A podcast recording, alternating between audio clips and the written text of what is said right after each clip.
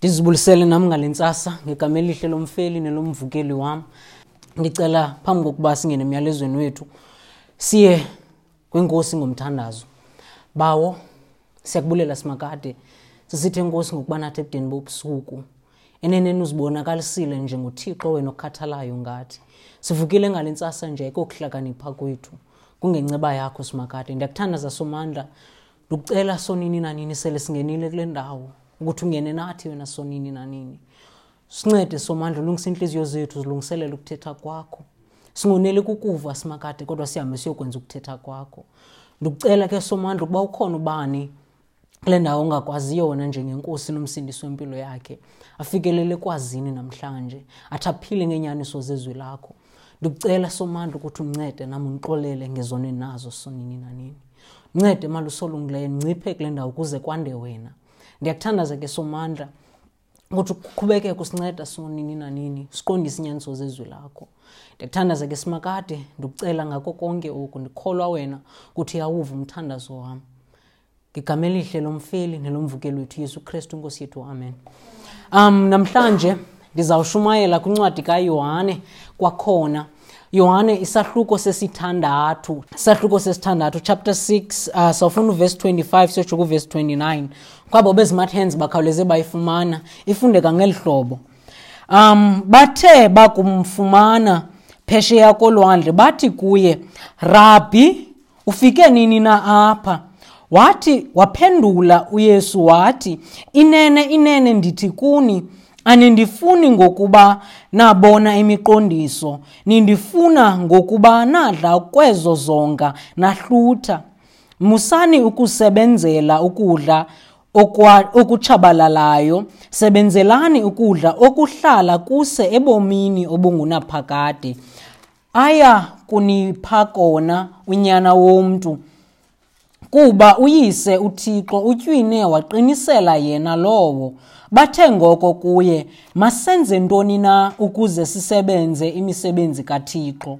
Waphendula uyesu wathi kubo umsebenzi kathixo nguwo lo ukuba nikholwe kuye othunyiweyo nguye. Namhlanje ndifuna ukushumayela umyalezo osihloko sawo sithi umsebenzi kathixo now into eyenzekayo njengokuba siqhubekeka nezifundo zethu eleke ndifumana ithuba lokuba ndishumayele. Ndiyishumayela kule ncwadi kayohane. And then namhlanje sifika kuchapter 6 okanye isahluko sesithandathu. Isahluko esixakekileyo kakhulu sibhizi amini esisahluko okanye le chapter.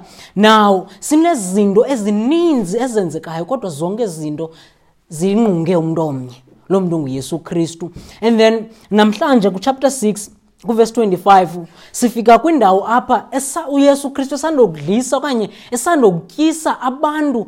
Ithi ibhayibhile xa ithetha amadoda angamawaka amahlanu naw uthi omnye umfundisi xa ecacisa sele sijonga ngakumbi eli nani uthi xa ethetha ngalo aba bantu xa sibajonga ngamawaka angama angamashumi amathathu anesihlanu 35000 ngelamakhumsha xa sijonga ngakumbi eli nani.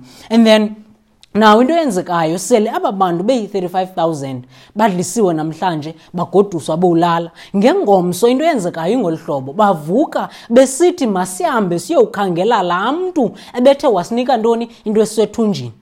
Sele kunjalo beyifumene le nto banaloo ngqondo into yokuba masiphume sihambe siyowukhangela kwalo mntu masihambe siyomfuna lo mntu uthe wasenzela le nto. Naw kananjalo bengamfuni ngenxa yoba enguthixo nezinto abenzele zona babemfuna ngenxa yantoni? Yezinto zabo. Into ezifunwa ngabo hayi kuba uyesu kristu enguthixo ngenqu hayi kuba uyesu kristu ebenzele le miqondiso kodwa befuna ntoni? Ezizezabo izinto. And then sele kunjalo namhlanje sinabantu abaninzi abafuna ukristu ngenxa yantoni? Ewe ndiyayiqonda unguthixo. Ewe ndiyayiqonda wenza zonke izinto kodwa mna ndifuna andenzele le nto ndiyifunayo kangoba side sithi xa simbiza ngenye ixesha into yokuba lo yesu kristu wabo is a genie in the bottle. You just rub it kancinci umfumane le nto uyifunayo. Ayinguye lo wezwi lakathixo. Now namhlanje ngaba wena umfunelani uyesu? Umfunela ukufumana ifavor. Umfunela mhlawumbi i-financial breakthrough yintoni umfunela yona uyesu kristu. Ukubonwa njengokuba ungungcwele ngcwele phakathi kwabanye abantu. Ukwaziwa njengomntu olungileyo yintoni umfunela yona uyesu kristu? Namhlanje sonke singanakho ukumfuna simfunela umsebenzi kathixo. Naw kuvesi 24 usinika umtyhi okanye i-idea yento eyayisenzeka kwaba bantu. Sele bexakekile bemanqadanqada befuna le ndoda ithile. Yabapha isonka kangba badla emveni koko bahlutha. Basafuna le ndoda besehla besenyuka bezixakekisa ngento yokuba sifuna laa mntu abesinike ntoni into yokutya ngezolo. Sisafuna laa mntu uthe wazalisekisa izidingo zethu okanye wasaneza thina ngokunokwethu wasatisfya bendizawutsho ukuba bekhona uabo ngokuba kawazi la magama esixhosa sele kunjalo bayenza yonke le migudu besithi sifuna bani? Sifuna lo yesu. Yithi ndikuxelele nanamhlanje sixakekile miso sifunana nomntu othile onguyesu. Simfunela ntoni? Izidingo zethu. Singamfunela into yokuba enguye uthixo simfunela ezethu izinto. Sele kunjalo lo thixo simfunayo okanye lo yesu simfunayo ayinguye webhayibhile. Sifuna thixo wumbi.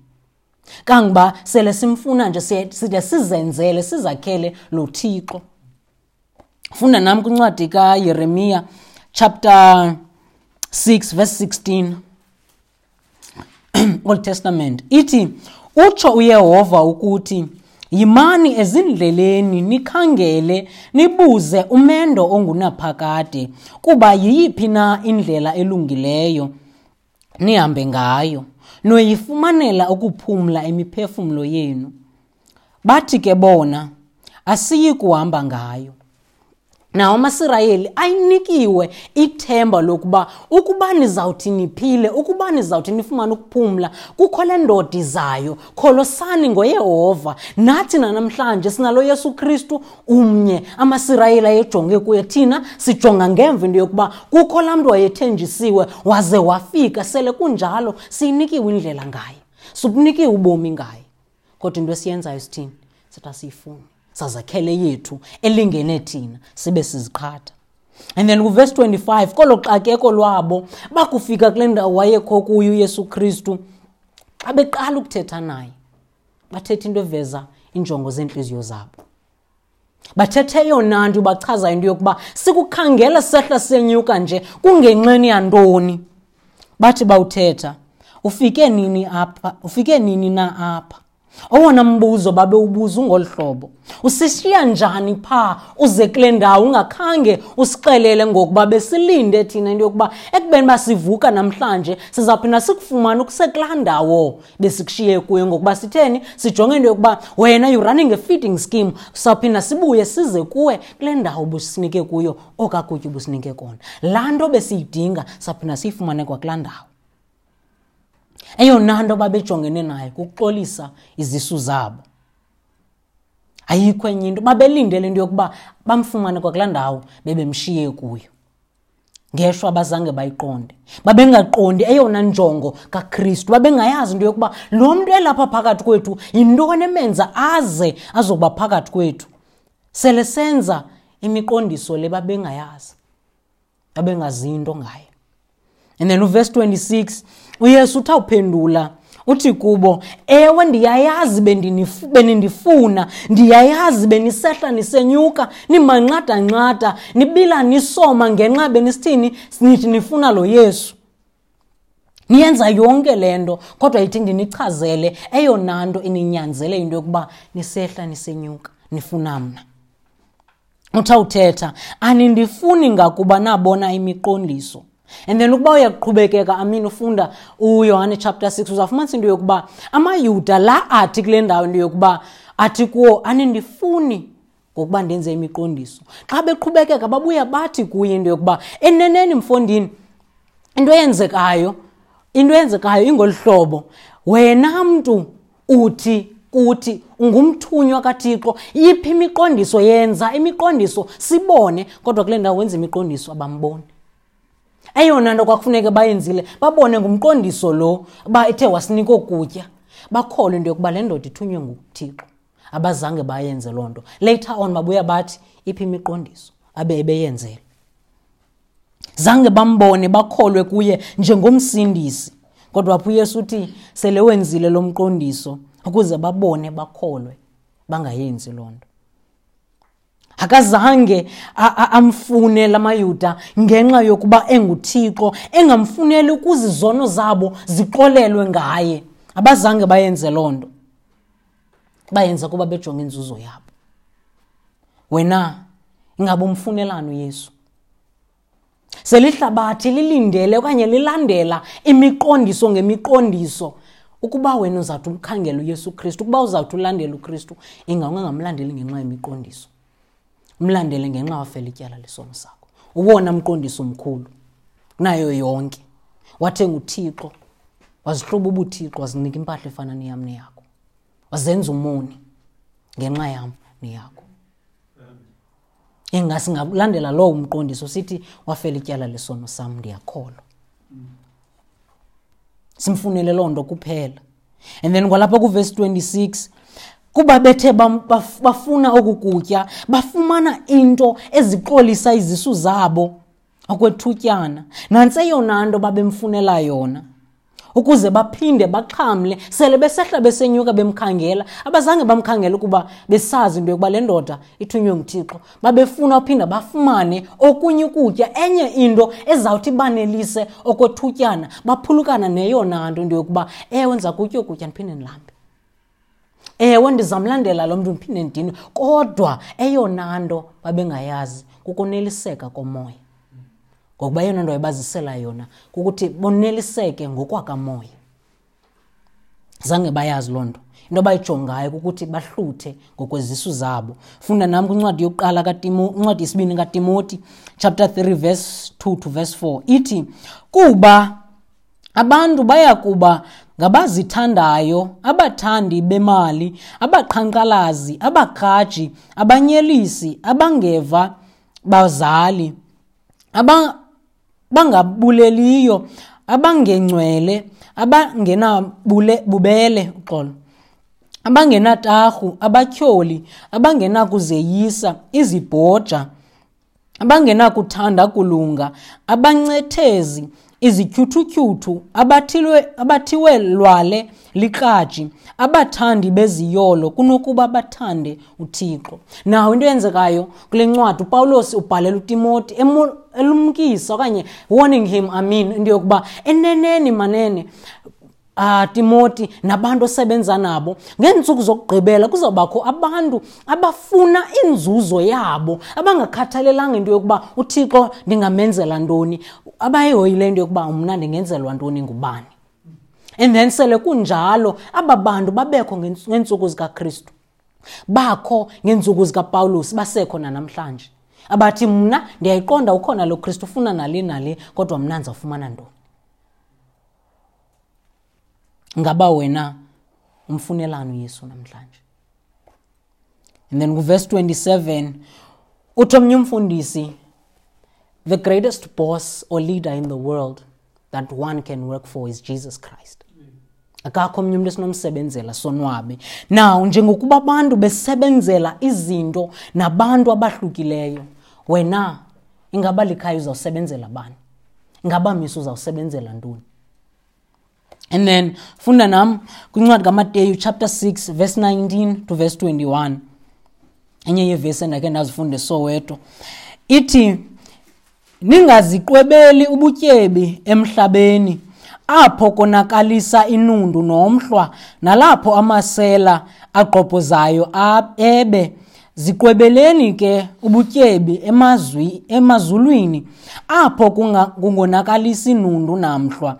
Nalapho amasela angaqobhoziyo ebe kuba apho bukhona ubutyebi benu yoba lapho nentliziyo yenu.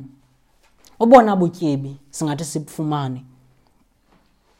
Bokwenene kukuthi usebenzele ukuze ukhokhelele abantu amin ekubeni babazane nenkosi uyesu kristu. Bathi babe nobudlelwane nothixo. Nabo bona butyebi. Sele kunjalo miso bangaphi abantu abaxelele ngoyesu kristu? Bangaphi isipho sethu abantu obabonisileyo ezwini likathixo into yokuba ukuze usindiswe ukuze ube uxolelaniswe nothixo kumele ulandele ngolu hlobo. Kumele ukholwe bangaphi abantu obenzele loo nto? Ndifuna uphendule mna ndifuna uzuziphendule wena. Ncwadi yentshumayeli chapter 2 verse 11 ithi ndabheka mna ezenzweni zam zonke ezazenzayo izandla zam nasemigudwini yam endaphuka yiyo ukuyenza. Ndayibona ukuba yonke loo nto ingamampunge nokusukelana nomoya. Akukho lungelo phantsi kwelanga. Na usolomon kule ncwadi into asenzela yona uthi asazise ukuba ayikho into esiyenzayo ngaphandle kothixo. E, e, yonke into esiyenzayo ngaphandle kothixo i- i- ingamampunge ibubuxoki ililize eyinkcitha xesha ayinamsebenzi. Bezathi umfundisi usipho kumfundisi ujosh it is useless ngaphandle kothixo yonke into esiyenzayo. Nobukuba kuhle unathi nokuba imbi le nto yenzayo kodwa ngaphandle kothixo inkcitha nje yexesha you're just wasting time. Sele kunjalo. Ukuba ukhona uthixo kuloo nto. Yonke loo nto iba lulutho kwaye ibe nentsingiselo iye ibe ne-meaning ukuba kukho uthixo kuloo nto. Nantso eyona nto ifuna bayazi ukristu into yokuba eneneni sele nizifuna zonke izinto zililize. Oyena mntu bekusaphose niyamfuna ndim. Ningandifuneli izinto enizawuzifumana ziphinde ziphele kodwa nifune mna ngenxa yobomi obunaphakade and then endaweni yokuba bamfunele le babemfunela yona. Uthi abazise ukuba eyona nto kufuneka bamazele yona yile wayeyizele emhlabeni. Kuba eze kunika ubomi bakhe ebunikela abaninzi ukuze babufumane ubomi obungunaphakade ngaye. Bangafani okweli hlabathi kodwa bafumane oko kwanelisa umphefumlo ngoku nangonaphakade ithi kwincwadi kwabasekolose chapter 3 verse 1 and 2 ukuba ngoko navuswa kunye nokristu funani izinto zaphezulu apho akhona ukristu ehleli ngasekunene kukathixo. Nyamekelani izinto zaphezulu zingabi zezasemhlabeni. Sipho sethu ufuna into zaphi zasemhlabeni okanye ezasezulwini uzaziphendula wena. Amaxesha amaninzi uyesu kristu uthi abonakalise ubungqina bokuba unguthixo ngenqu sele bonakalisa onke la maxesha negunya nalo. Kwaye iye isifundise loo nto yokuba nguye kuphela onosinika usindiso nguye kuphela unamandla onke nguye owaziyo into yokuba eneneni wena elethu yintoni oyidingayo ngempilo yakho asikakho omnye umntu oyaziyo? Nguye kuphela ngokuba sadalwa nguye. Ikwanguye othunywe nguyise akakho umbi engasayi kubakho.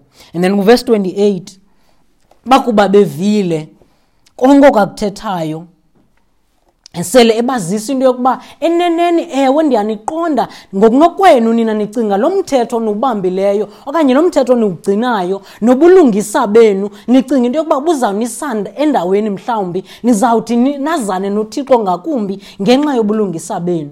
Kodwa yithi ndinazise kulilize obo bulungisa benu. Yonke le nto nicinga nizibuthela yona into yokuba ewe uzanisa endaweni ayizonisa ndawo. Ningakhange nikholwe kum and then nanjengamfundisi baye babuye kwinto yokuba khawusazise ke ewe siyaqonda into yokuba mhlawumbi le ndlela senza ngayo ayiyiwanga indlela ekumele ube senze ngayo. Bathi kuye ukuba uyakhumbula kuvesi 25 babethe kuye rabhi ngentetho evakalayo sele besithi mfundisi nkokheli yethu wena mntu uyinkosi yethu wena unegunya phezu kwethu khawuphinde usifundise.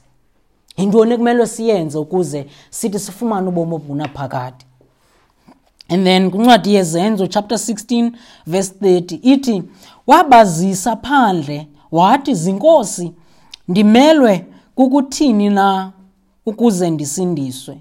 Now lo mgcini mabanjwa uthi akuqonda ukuba akanakho ngokunokwakho ukuzisindisa. Uthawubona into yokuba nayiphi na imisebenzi abengayenza ayinakho ukumenza abe nobudlelane nothixo. Aqonde into yokuba kumelwe la madoda esazana nje nothixo anganakho undichazela into yokuba kumelwe ndenze njani. And then bamphendula ngokulula into yokuba kumele ukholwe kuyesu kristu kwinkosi uyesu kristu. Ngaba wena uyakholwa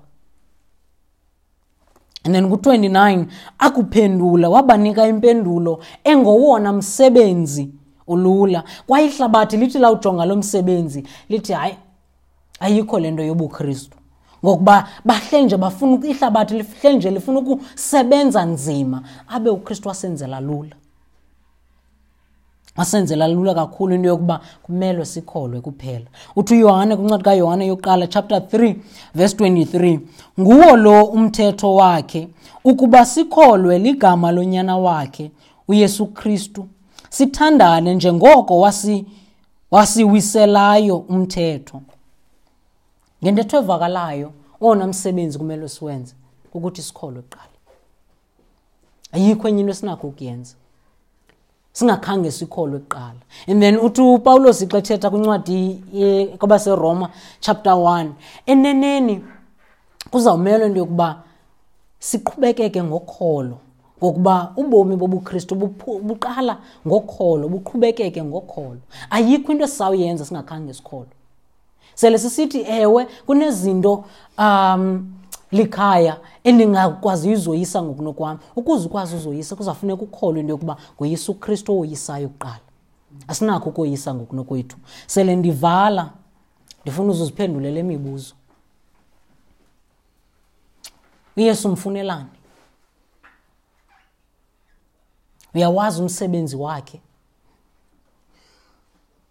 Uyaqonda kukho msebenzi ungakufikisa kuthixo? Uyakholwa kuyesu kusini na? And then ukuba uthi ewe yonke le mibuzo ndiyiphendula ngendlela eyiyo ndifuna ukubuza lo mbuzo. Uthi mna ndisindisiwe ndamamkela uyesu njengenkosi nomsindisi wempilo yam. Ngabe uyabaxelela abanye ngaye?